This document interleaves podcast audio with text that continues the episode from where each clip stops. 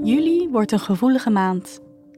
In de maand van het kwetsbare teken kreeft staan emoties centraal. Kreeft is ook het teken van de oermoeders, van vrouwen die een lichtend en spiritueel voorbeeld voor ons zijn.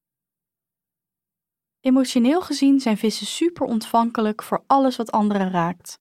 Als iemand anders lijdt, lijdt vissen mee. Daar komt bij dat vissen een sterk schuldgevoel heeft, alsof het lijden op de wereld door vissen zelf wordt veroorzaakt. Dat is natuurlijk niet zo, maar door zulke gedachten kan vissen zichzelf veel pijn doen en overlopen van medelijden voor alles wat leeft.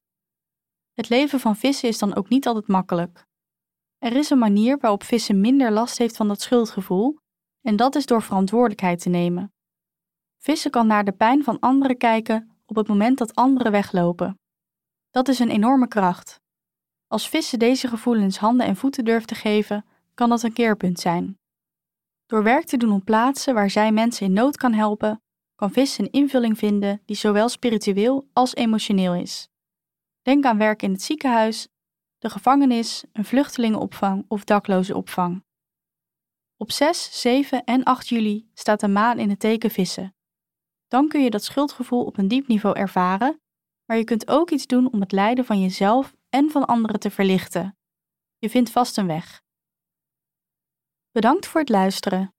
Wil je je maandhoroscoop nooit meer missen? Vergeet dan niet om je te abonneren op ons kanaal. Liefs, happiness.